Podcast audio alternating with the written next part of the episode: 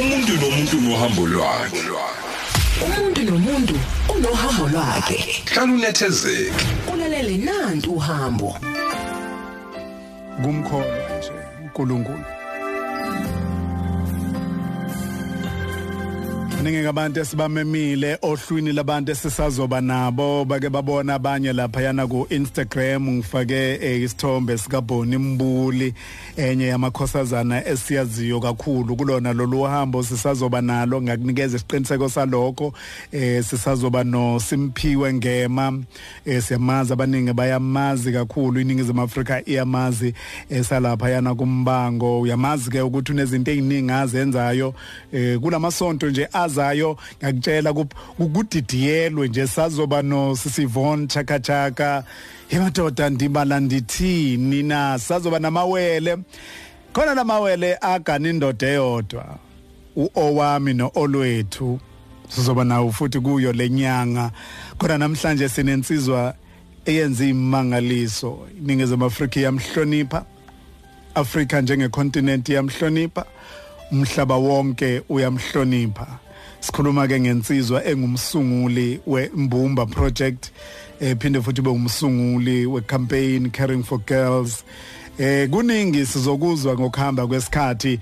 Mfoka Mtungwa umfoka Mbulasi umzilikazi kaMashobana abadla umuntu bemyenga ngendaba uRichard mfoka Mabaso ngikubingelela ngane yakwethu. Angibikelele Bhuti Sibu Shenge Nation. Uyaphila mfethu? Ngiyaphila kakhulu Bhuti. Eh ayishenge Nation noma sengabangedwa. Eh siyisizwe sinamandla ngisho sesihlukanisiwe kakhulu. Eh thina sisona isizwe kuthiwa divide and rule. No. Ngisho ngasi divide.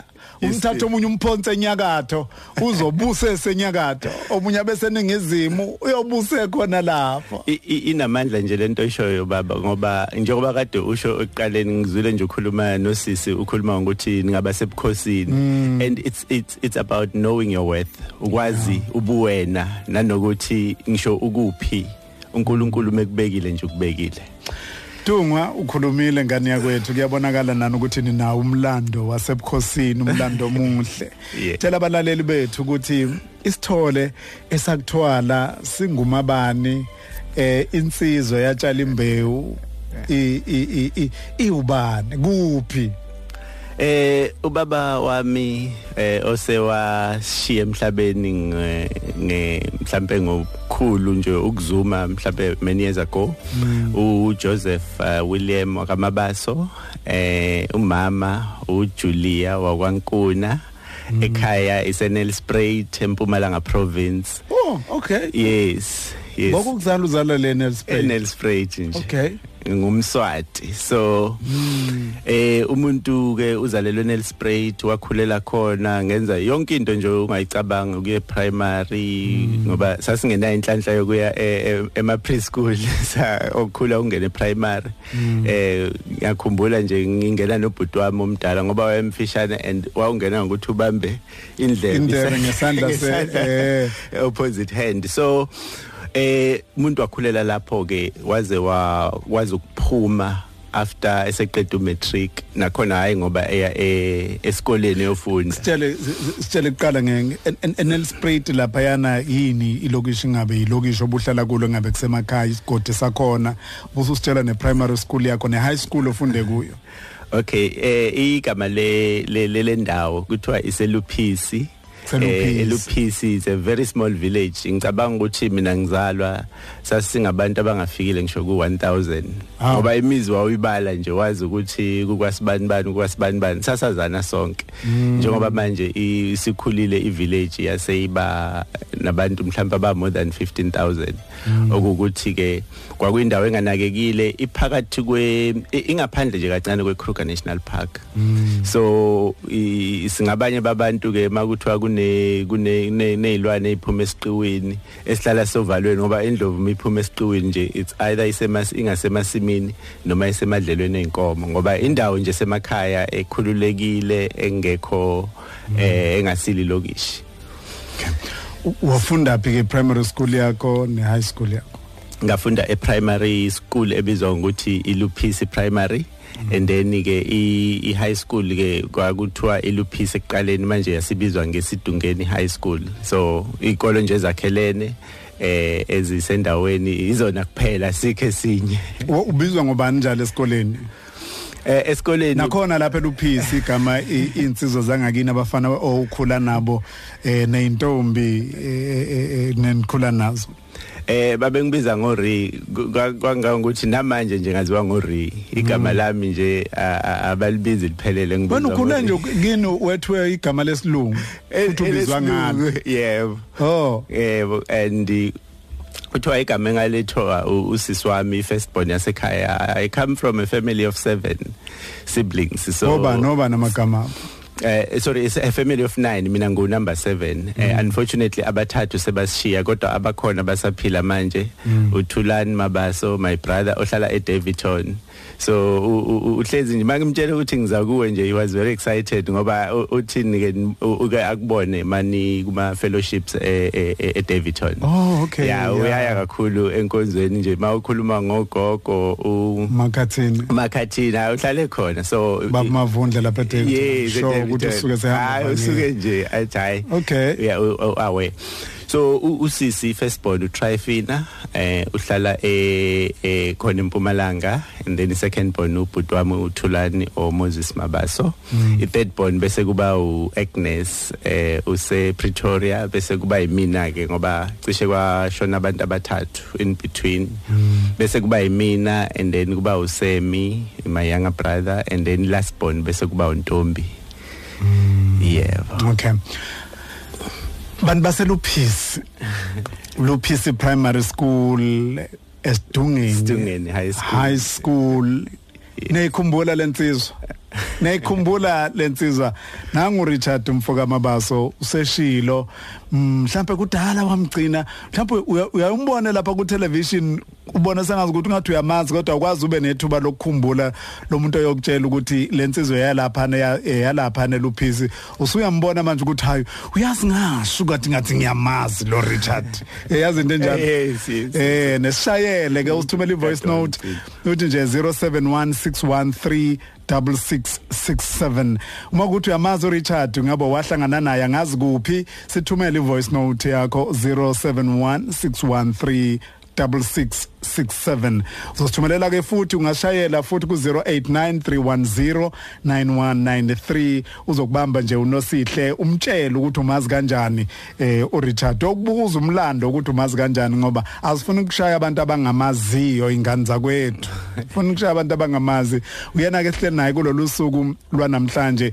U- ukhula nje lapha yana u- ugcweleni enqondweni yakho iphupho amaphupho akho usakhula unambono omuni eh ubani lokuye nokushusha ngalolu ngalomcabango wephupho elinjalo noma nombono njalo Eh futhi uyabona ngihleli zinguzwa lo mbuzo ubuzwa and kukhona abantu abazokutshela ukuthi mhlambe kwakuno mhlambe umuntu othile. Mina into engayisho ukuthi i background yami iyona yangikhuthaza ukuthi ngigcine ngilo muntu engiwuyena ngoba eh ekukhuleni kwami njengoba ngishilo ukuthi sa ubaba wa- wasishiya emhlabeni and then sasala nomama umama wahamba naye ayofuna imisebenzi. So umama wami nje was a domestic worker for iminyaka eminingi ehamba esishiya makuphela inyanga. So eh, sorry abuya makuphela inyanga. So ngicabanga ukuthi mangithi ngiyabheka emuva into njalo eyayingikhuthaza indlela mina engakhula ngayo ngoba ukukhula kwami kwangenza ukuthi ngifise ukuthi uma nge ngosuku elithile mhlambe one day uNkulunkulu engibusisa noma engipha umqondo wokuthi ngenza izinto zenzeke ngizofuna ukuthi umuntu olandela ngemuva kungasasiyo ke abantu basemndenini wasekhaya umuntu noma ubani olandela ngemuva omusha ngifuna at least impilo yakhe ibe ngcono kunale yami. So ukukhula kuleso simo ngiyaye ngizwe ukuthi mhlambe abanye ukukhula esimeni se sokubahlwempu sobuba kubenza ukuthi benze izinto eziseceleni. Eh ngiyaye ngithi mangikhuluma nabantu abasha ngisho ukuthi ukuthi mina ngi ngikhule ngibe ngaka ngingangeni kuma drugs ukuphuza ukubheba. Ngisho ukuthi mhlambe ku wrong eh ukuthi mhlambe ngiyagxeka kodwa ngithi mina kwakuyisinqumo wawuthathela zona ngoba unga imagine ukuthi nibuye esikoleni ulesihlanu kuzoqala iweekend nisemakhaya. Akukho umuntu omdala imina ngoba ubhuti wami lo ngimlama engimlamayo naye wayesesemsebenzini. So kusele mina nje kuphela uyazi ukuthi ube nawo umuzwa ukuthi ayithi ngihambe ngiyohlangana nabangani. Kuthi kwenzeke nangalelo langa mhlawumbe uma uhambile nahamba naphuma ngoba ama TV ayengekho. Uma nifuna ukuyobukela iTV nanihamba niyoyibuka e, endaweni la endaweni zobumnandi eh, nakhona kuzodlalwa imovie kudlalwe kudlala ibhola. So uyabona nifuna ukuba kulezo indawo ngoba it's form of entertainment ekhaya akukhulutho. So kodwa kulokho ufike ukwenze lokho kwenzayo ubuke lelo bhola kodwa ukwazi ukuphindela ekhaya ufike ulale uvuke ekseni and into enkulu kakhulu ke em mhlambe ebhlungu ukuthi mawuvuka ekseni uhambe esikoleni ufike ufane nezinye izingane ube excited ujabula mawubuya thina sasile genge ukuthi mawufika ekhaya uzodlula uyele uyodlala ibhola uzama ukuqhuba usuku ngoba ukudla kukho ekhaya. So uma kwenzekile kube nokudla ke kuzoba khona ntambama ke. So ngicabanga ukuthi ukukhula kanjalo kwenza ukuthi ngithi no man impilo yethu njengabantu abamnyama ingaba ngcono. Kangangokuthi ke ukufinyelela la kulomsebenzi engwenzayo ngifinyeleliswe yilo leli phupho lokuthi no uma uNkulunkulu kwenzekile wangenzela into ethile kumele nami ngimenzele umuntu oseceleni ukuze anga hambi ngalendlela noma thi go through the same experience engihambile nami Hmm. Sihleleke nensizwa uRichard Mabaso insizwa nje siyaziyo kakhulu eh la eningizimu Afrika kunakekela kakhulu kwenza ngcono impilo yomuntu uwomunye ke wabantu esingathi siqhatsha kakhulu ngaye njenga omunye walabo abantu ababizwa ngokuthi ama humanitarians umuntu oyinikele ekwenzeni umehluko empilweni yomunye umuntu usuku lwanamhlanje ke sikuphathele uhambo eh lwensizwa uRichard umfoka mabaso kuyena esihleli naye kulolu suku. Sibheka nje uhambo lwakhe unohambo olumangalisayo oluyinteresta ngendlela emangalisayo insizwa le njengoba uzwile eyathi noma inamaphupho nombono ukuthi ngelila ngiyafisa nayo ukuyofunda ekwasho ukuthi kisimo seyimali ekhaya eh asimvumeli ukuthi ke nakuba kwakune wafikelwa isikhathi lapho eh ngesikhathi bephasa umatric empeleni uthi baphasa kahle kakhulu ecabanga kune star eduze kokuphasa kwakho kodwa yikho into ezokwazi ukuthi iqhubise iqhubekisele phambili. Nokho uthi wayibamba noma kunjalo wama akangafuna ukuthi ayiphathe noma ikanjani njengomuntu osemusha kodwa wathi uzoyinakekela nje impilo yakhe alinde uNkulunkulu ukuthi umbhekisa phi waqede wakubhekisa phi ngempela uNkulunkulu? Hey eh so siyaphuma ke manje. Ayi si celebrate ke nazi izitazi ziphumile. Ngiya thembisa and I'm sure ukuthi nabantu abasha abaningi bake badlula kule experience eh babushenga ukuthi now uphasile u excited kodwa the next question after the excitement ithi where to? Ngiya so siyakuphi? nalesitangi naso lesitangi naso eh okuwukuthi inhlupheko njalo ingqinamba ezibhekene nengane yomuntu omnyama eh ireality esiphila kuyona. So ngasuka ngiyakhumbula beku ngakusasa. Eh ngisuka ngiya ngithatha omunye umngane wami bathi umthunzi. Manje ngimthatha umthunzi ngithe indoda ngiyabheda phela manje kufanele senze something uh, mm. and lo something esikhuluma ngawo akusikho uku-apply le university. Babe ngekho phela NSFAS laba bengekho CAO mm. kwaba ukuthi nje ngithe madoda asiboneni senze njani? Ngathatha umthunzi sahamba sasuka kuyena saya ku Donald eh Donald wakwamgwenya. Masifika sihlale ngiyakhumbula sase roomini elincane nje lika Donald sihlele embhedeni sonke. Kunombhede omncane nje sihleli. Hey madoda manje simele senze njani? uNkulunkulu emuhle wasiza okokuqala eh inhliziyo yami nje kumanje ibabhlungu mangikhuluma ngale ndaba ngoba ubaba wakwankosi eh isibongo sakhe ubaba unkosi sam approach asathi baba siyakwazi ukuthi umuntu nje ophiwe umbazi owenza imisebenzi ezandla sicela usifundise. Ay asifundiseke kwenza izinto eziningi ezihlukahlukene sidayisa uthola u10 rand umuntu dayisile yabona ivalue yoku understanda imali yaqala lapho kumina ukuthi uma uthola imali awuyitholela ukuthi uyisebenzise uyitholela ukuthi uyibeke. And uma uyibeka uyitholela ukuthi ukhulise lo msebenzi owenzayo. So thina sambile saye behlathini si thole ihlahla ehlukahlukene asifundise. Masibuya lapho le mali bese siyithola ngikhumbula sithola abantu abakwazi ukuthunga basenzela amadoyila eh amadoyila ese styleni ngaleso sikhathi. Uma wadayisa eyiset ehamba awu6 sasiwadayisa ngo 250 noma 300 rand. Bewathenga ke futhi abantu ke but into enkulu eyathi ngesikhathi siqhubeka senza lowo msebenzi. Eh eyakwazi ukusibooster kakhulu. Sabuka kuyakuthiwe ngesilungu kunalento okuthiwa i low hanging fruit. Eh sathola othisha sathi no man othisha abantu esibaziyo and ngokwethu ibona abantu abaphezulu ngokwezinga lempilo. Asiba approach sibalethele iservice ethile. Eh iservice yethu kwaba ukuthi sibatshalela utshani emagcekeni sibenzele nje ingadi zabo. Hayi sakwenza lokho. Kwalula ke ngoba ukubona besibacharge 50 rand. So siyazi ke kwagcina siba ne demand yokuthi njalo kumele sisplithe masivuke ekseni nami ngibambe ezami mhlawumbe mangibambe ezu3 lona bambe u2 lona bambe u1 kodwa in the beginning because we had to go sekwamanye ama villages ngoba bona bebahlala kwezinye indawo ngesinye isikhathi bekumele sambe ngeenyawo ngoba kwakusebenzisa ibhasi so kumele uhambe ngeenyawo mawubuya ufunda uku-economize ukuthi imali isebenza kanjani kodwa ngaphezulu kwakho konke ufunda ukuthi wena njengomuntu kumele uyinikele kanjani empilweni. So uNkulunkulu wayesimolda masisithi siyabuka manje ngoba bonke abangani bami manje nabo sebakuma different fields. Umthunzi ke waqhubeka njengamanje use usekhona kwi tourism la ngangingene khona mangisuka kuma kuma projects eh ngase ngiyamthatha wayongena.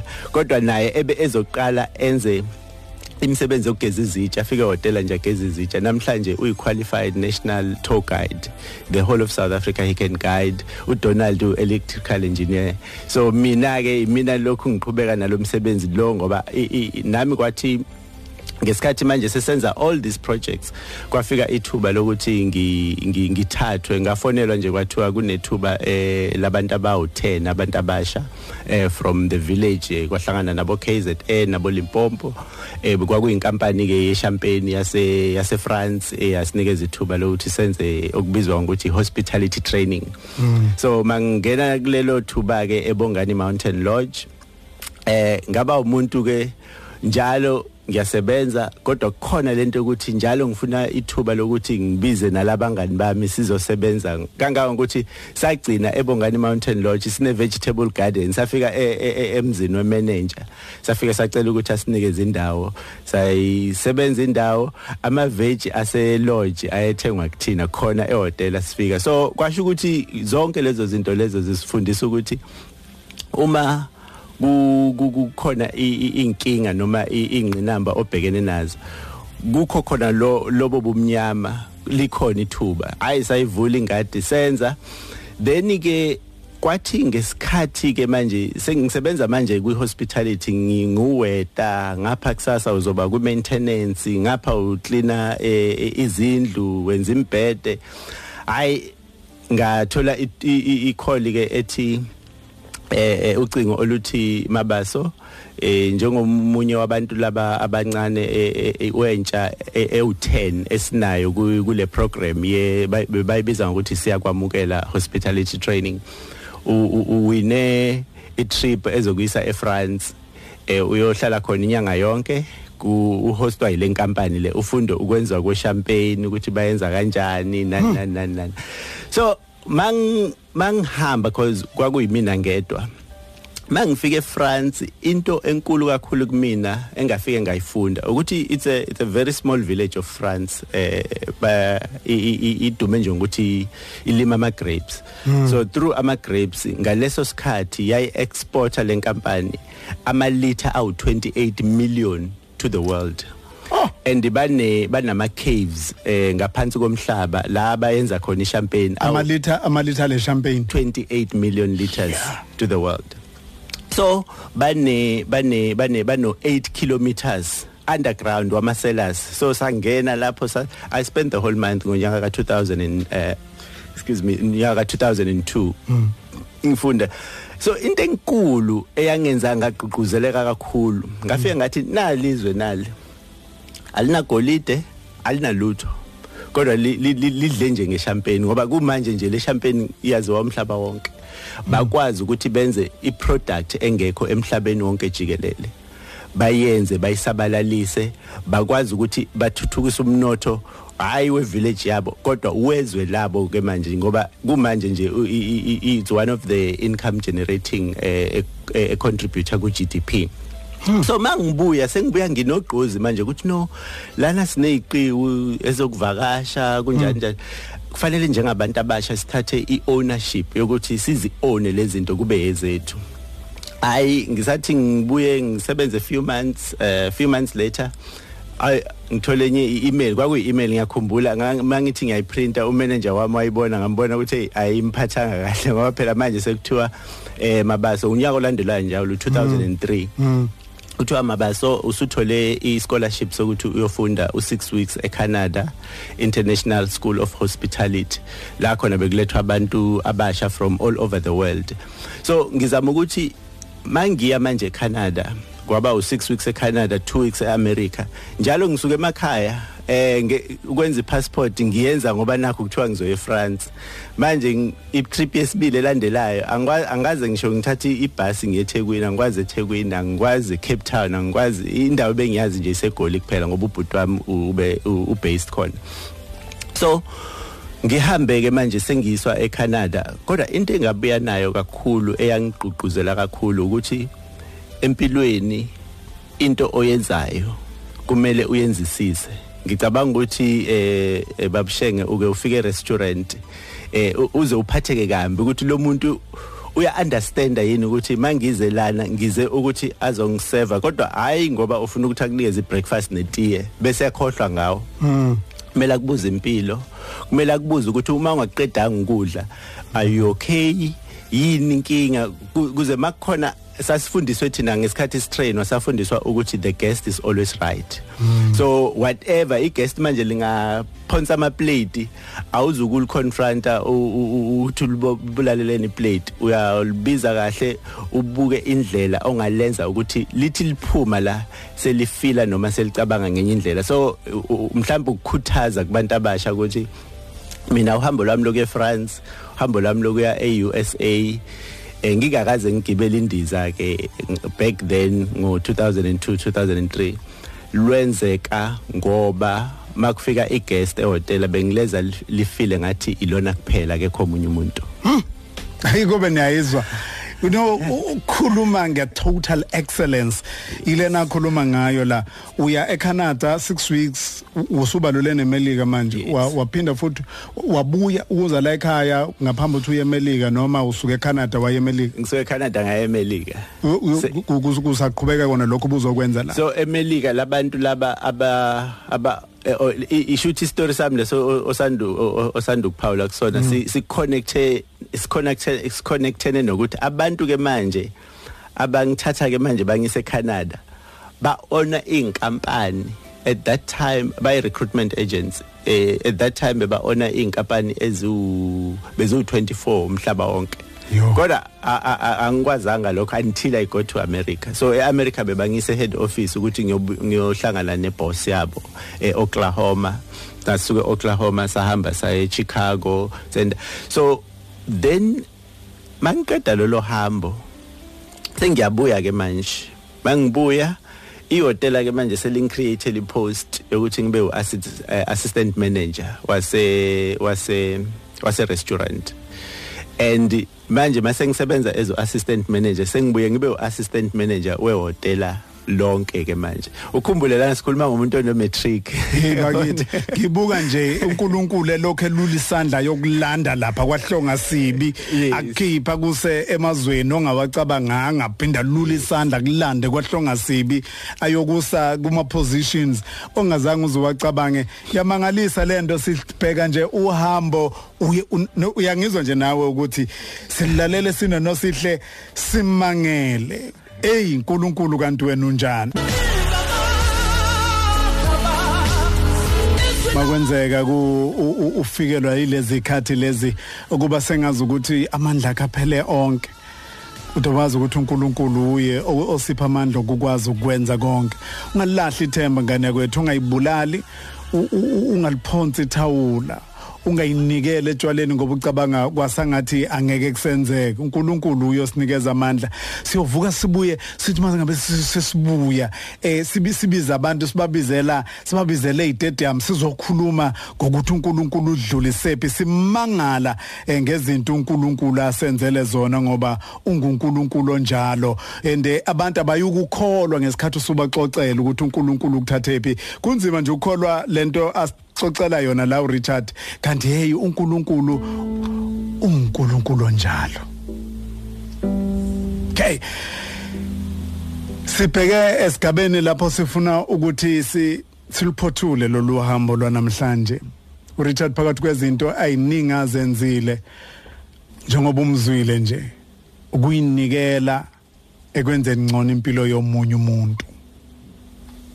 Emva kokumbona uNkulunkulu emthatha emphakamisa amthatha emphakamise ngiyamangala nje ukuthi emva kokubona imanga ezingaka eh, nokuba neexperience engaka nokuhambela amazwi angaka ubone nabantu eh, bomhlaba wonke. Kodwa emva kwalokho ubuye uthi mhm ufuna ukusebenzela abantu.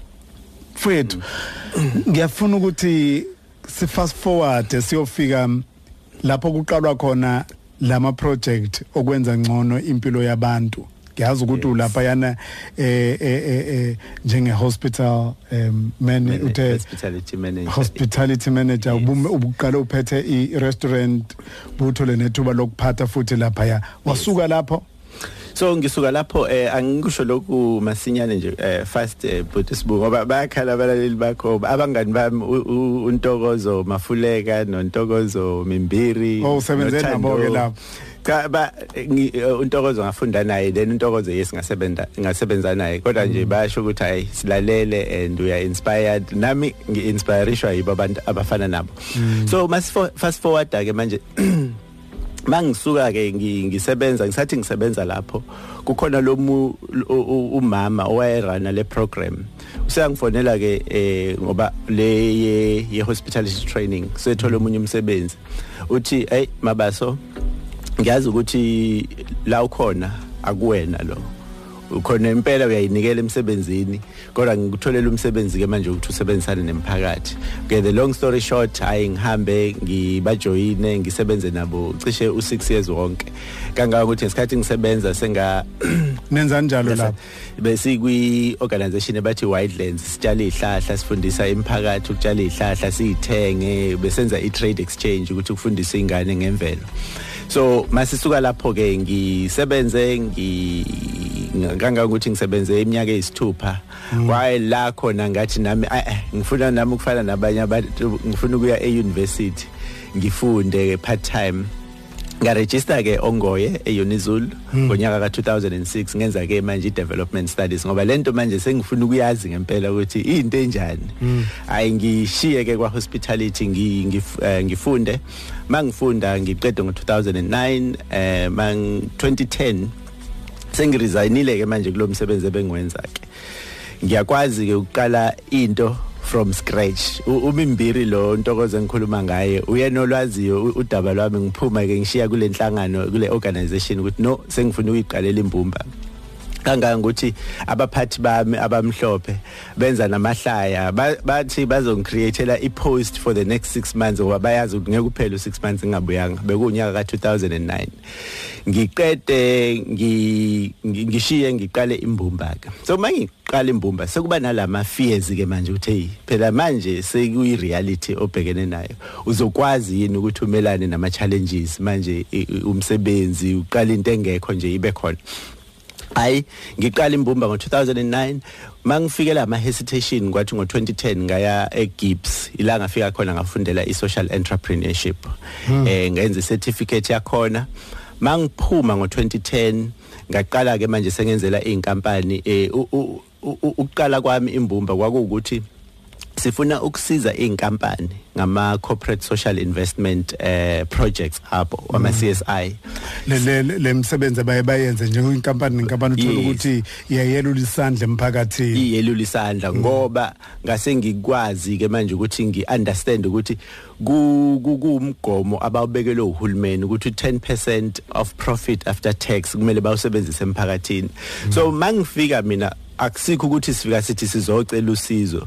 Sithi sifika njengembumba sizosiza wena nkampani A or company B ukuthi comply and ucomply kangcono. Ucomply kwakho akungabi lokuthi ngoba ngifuna ukukutshela eh, babushenge ukuthi nabalaleli ukuthi every year ama corporates aspenda between 8 umuntu nje omusha noma olalele manje angahamba ye ku internet agooglisha ukuthi i CSI spend ngonyaka imalini it's between 8 and 12 billion rand ngonyaka eya kuma community projects.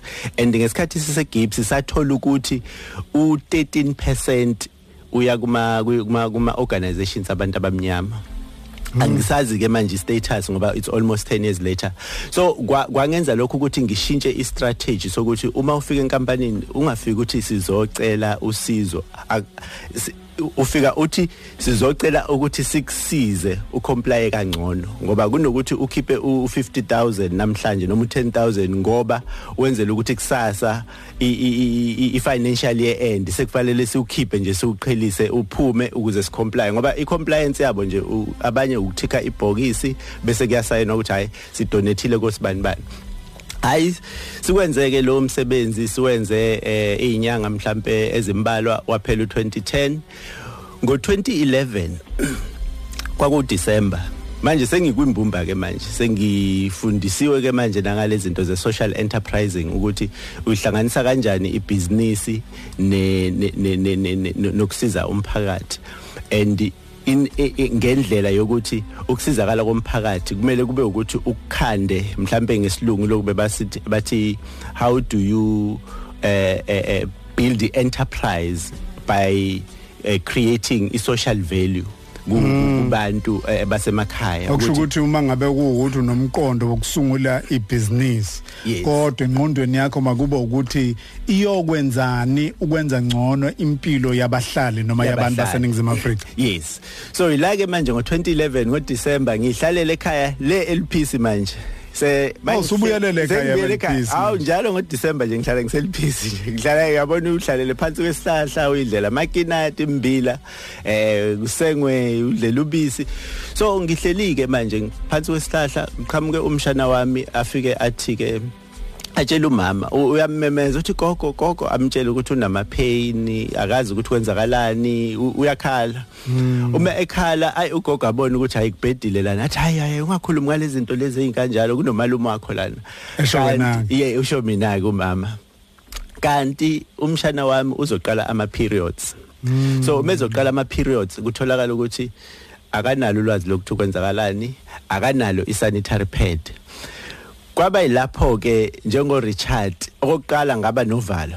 Eh ngoba vele ngoba uma umama ethena akathula angakhulumi ngalezi zinto ezikanjeni wathula vele banyamalala nje endaweni baphela endaweni.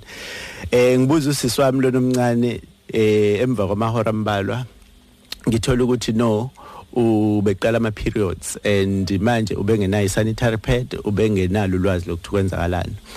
Kwayila khona ngiyibuza ukuthi uma umshana wami onomalume oyimina osebenzayo ezoba nale experience e- ebhlungu kanjena ku- kungakanani mhlambe kulabo abangenabani ke abayihlalele bodwa abayihlalela ngabodwana ama child headed families abakhuliswa ogogo abakhuliswa obaba ozosaba ukuthi aye kubaba ayomtshela ukuthi kukhona into enzekile ngoba phela eh, u- ulwazi esilitholayo nje namanje last week besinama menstrual hygiene conferences intsha eningi ithi ithola ukuthi no kune kune kune kune kune challenge ukuthi uma uqala nje ukuba ukuba kuma periods uyasaba ukuthi ungathi khona into yenzile ogangile wayenza. So uyasaba ukutshela umuntu omdala.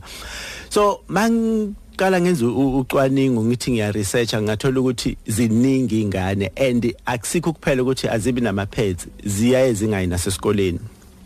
Ayi kwangihlupha lokho. So ngo- njengo Richard ke manje so ufuna uku social enterpriser ngesi ngesilungu ngiqale ke manje umkhankaso ukuthi hayi ngizohamba ngiqoqa ama pads nginikele e- einganeni e- ezingenawo.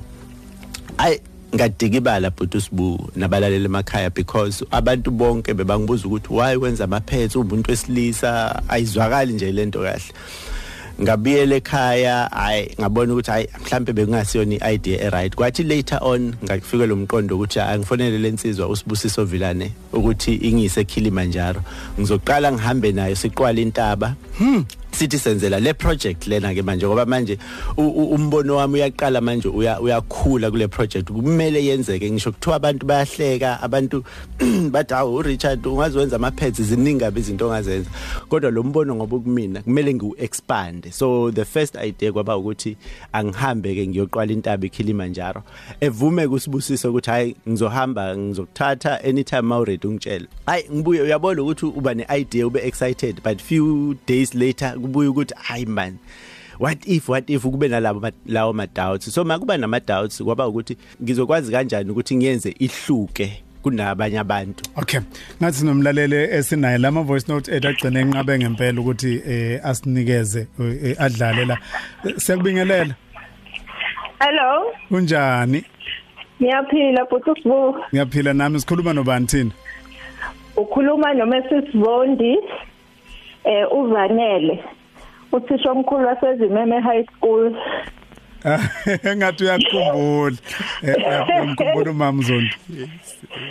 ngimkhumbula kahle Sawubona mama Zondi. Yasixoxela. Ninjani Richard? siyaphila njani Siyaphila. siyajabula Eh, hey. Sibonga kakhulu into osenzela yona esikoleni. ah mama siyabonga Ukusupply nama pads, Yeah. imotivate ingane zethu nje ngendlela ejabule ngakhona ngoba kade zisegoli last year. yes yes Yes. yes yes yes Konje umsebenzi owenzayo umkhulu kabi. Hawu siyabonga kakhulu mama siyabonga kakhulu mama Zondi. Siyabonga kakhulu. Siyabonga.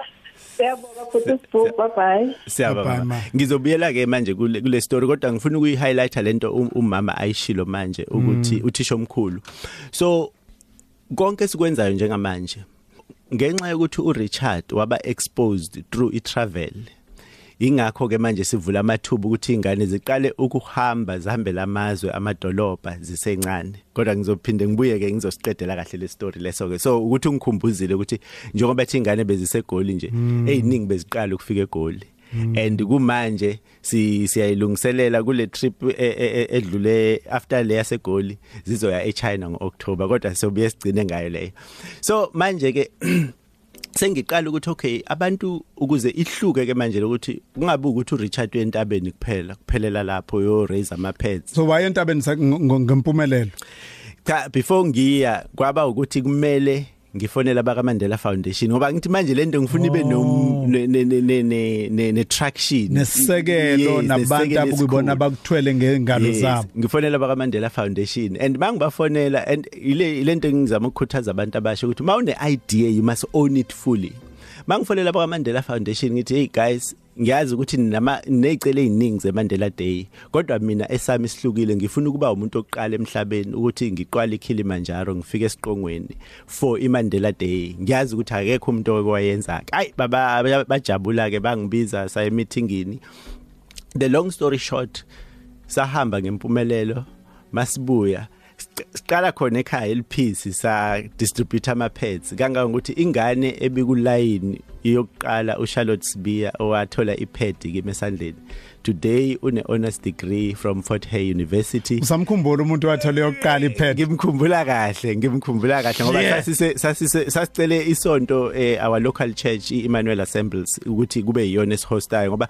angithi lento uyayiqala inja ufuna ukuyithatha uyise eindaweni eziningi ufuna ukuyiqala la ekhaya ukuze makhona konakalayo ukulungisa. Mayi babo. Hey niyaluza uhambo lwalo Jesus. Yo! Sabona ngathi khona omunye ongenile la sibona ukuthi ubani le simthola ngazi ukuthi omunye wo mem nje sawubona mem Hello baba njani? ngiyaphila njani ma? Siyaphila. siyaphila. Sikocela ubani lo esikhuluma naye umem ukuphi? Mina ngihlala e- eThekwani South around kaNyamazane. okay okay umazi kanjani ke uRichard? Richard ngimatele esikolweni lona iphisa la ngifundisa khona ngimfundisile. okay umfundisi uphuma esandleni sakho Yes. Awu. Eliphisa.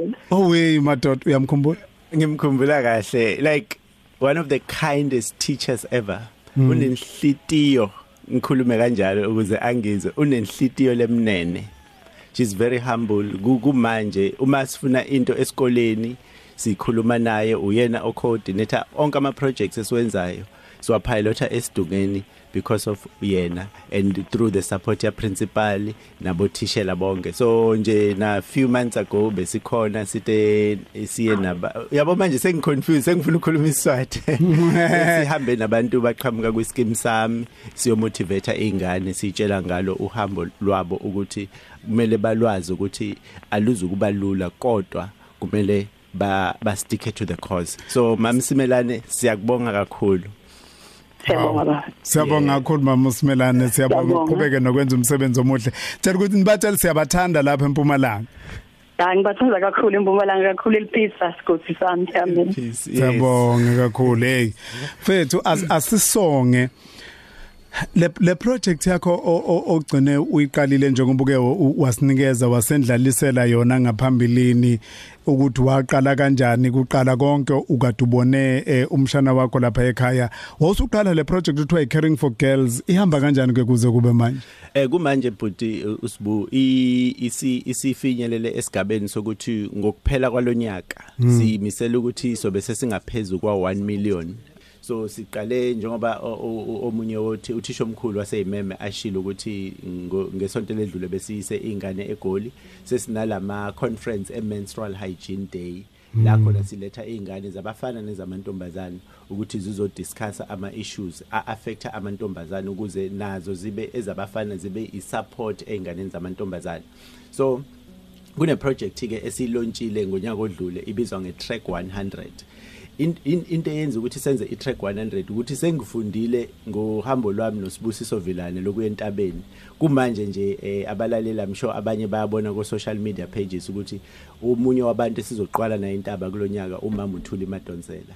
Eh sibhizi naye manje uya trainer sinama CEO wahlukahlukene. Abantu abaqhamuka from all over the world. In fact even one of our own usisi Mroza usisi Sibongi bazobe bahambe nathi ngoJuly so summit nge Women's Day. Ngiyakhumbula ukuthi ngeke ngababona behamba eh, kuma training lawa enu Drakensberg, ake yes. kuqalwe ngawo ngaphambi Yes. kokuthi bayiqwale intaba. Yes so mm. i-track 100 siyenzele ukuthi manje silethe izingane ezincane si-introduce kule mpilo ye-adventure.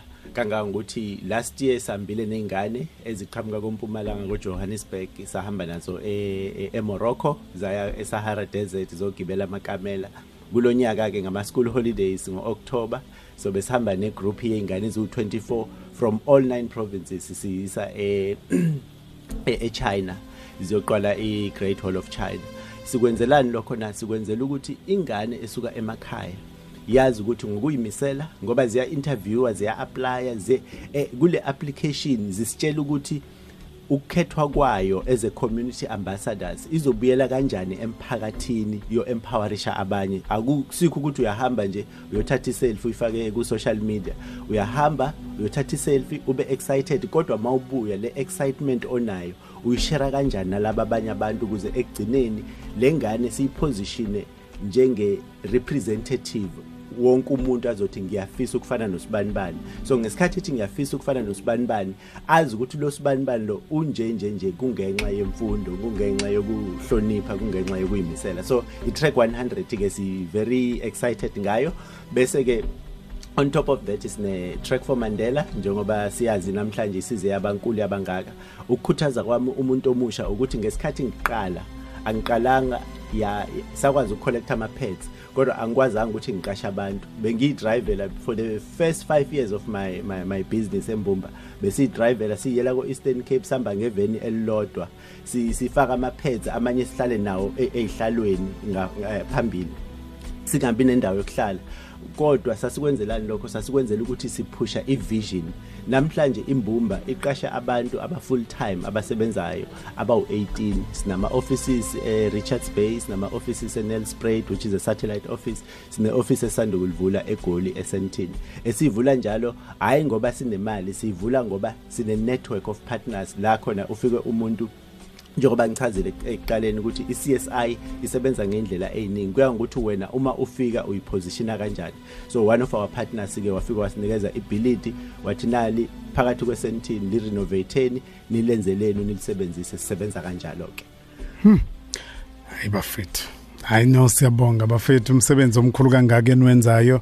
Ngane kwethu mangabe senibuya lena kwi track for Mandela ngiyahalela. Ukuphinde eh ngikumeme ngiyazi ukuthi isikhathi asina siyafisa ngoba siyafisa ukuba nolwazi lokuthi uma isiqwala lentaba lolu hambo lokuyiqwala intaba luhambo nje olunjani? Mhlambe eh uyokwazi ngokusitholela naye uprofessor Madonsela eh ke sizo ke sihlale naye asixoxele eh iexperience yakhe kulolu hambo. Ngane kwethu siyabonga kakhulu isikhatho siphe sona. Abantu abangafisa ukuxhumana nani ke eh banganithola kuphi? Eh abantu bangaxhumana nathi eh ngendlela eziningi bangaya ku www.imbumbafoundation.org bangafonela ioffice lethu elise Richards Bay u035797 3800 bangasilandela ku social media u caring for girls caring then number 4 bese kuba u girls u track for Mandela. Eh it's track ospelwa ngokuthi T R E K. number 4 bese kuba uMandela. Noma bangangicinga nami ku social media ngikhona onke ama platforms um Twitter Facebook Instagram Richard Mabaso. Okay. Awuphinde futhi inombolo yazo office It's 035 797 eh 3800 and mhlawumbe angisho ke ukuthi ubhuti wami naye bengifonela athi hayibo singena kanjani okhozini so ngifuna ukuthi azi ukuthi ayisho ukuthi bekunenkinga kalayini. Kodwa njengoba seshilo akasiyeke ubhuti sinawe namhlanje. Ibambe lapho webhuti sizobuya ngelinye ilanga. Kodwa babushenge let me take this opportunity. I don't know if uyakhumbula ukuthi ungomunye ocontribute kule vision. Ungithatha ungibiza ngiza lana mangaphosisi beku 2013 Mm. uzwa iidea enginayo ngisanda ukuqala intaba ngathi bengisayiqale kabili. Wangiletha kuNkulunkulu nomuntu omusha sasihleli lana. Uthi uzonginikeza iplatform yokuthi ngishare le vision. Sho ukuthi umunye wabantu abadlala indima enkulu kulolu hambo njengoba lungaphelile lisaqhubeka uyaqhubeka uyayidlala futhi. Siyabonga kakhulu. siyabonga kakhulu ngane kwethu. Uhambo kwindumiso nosibungu thelezi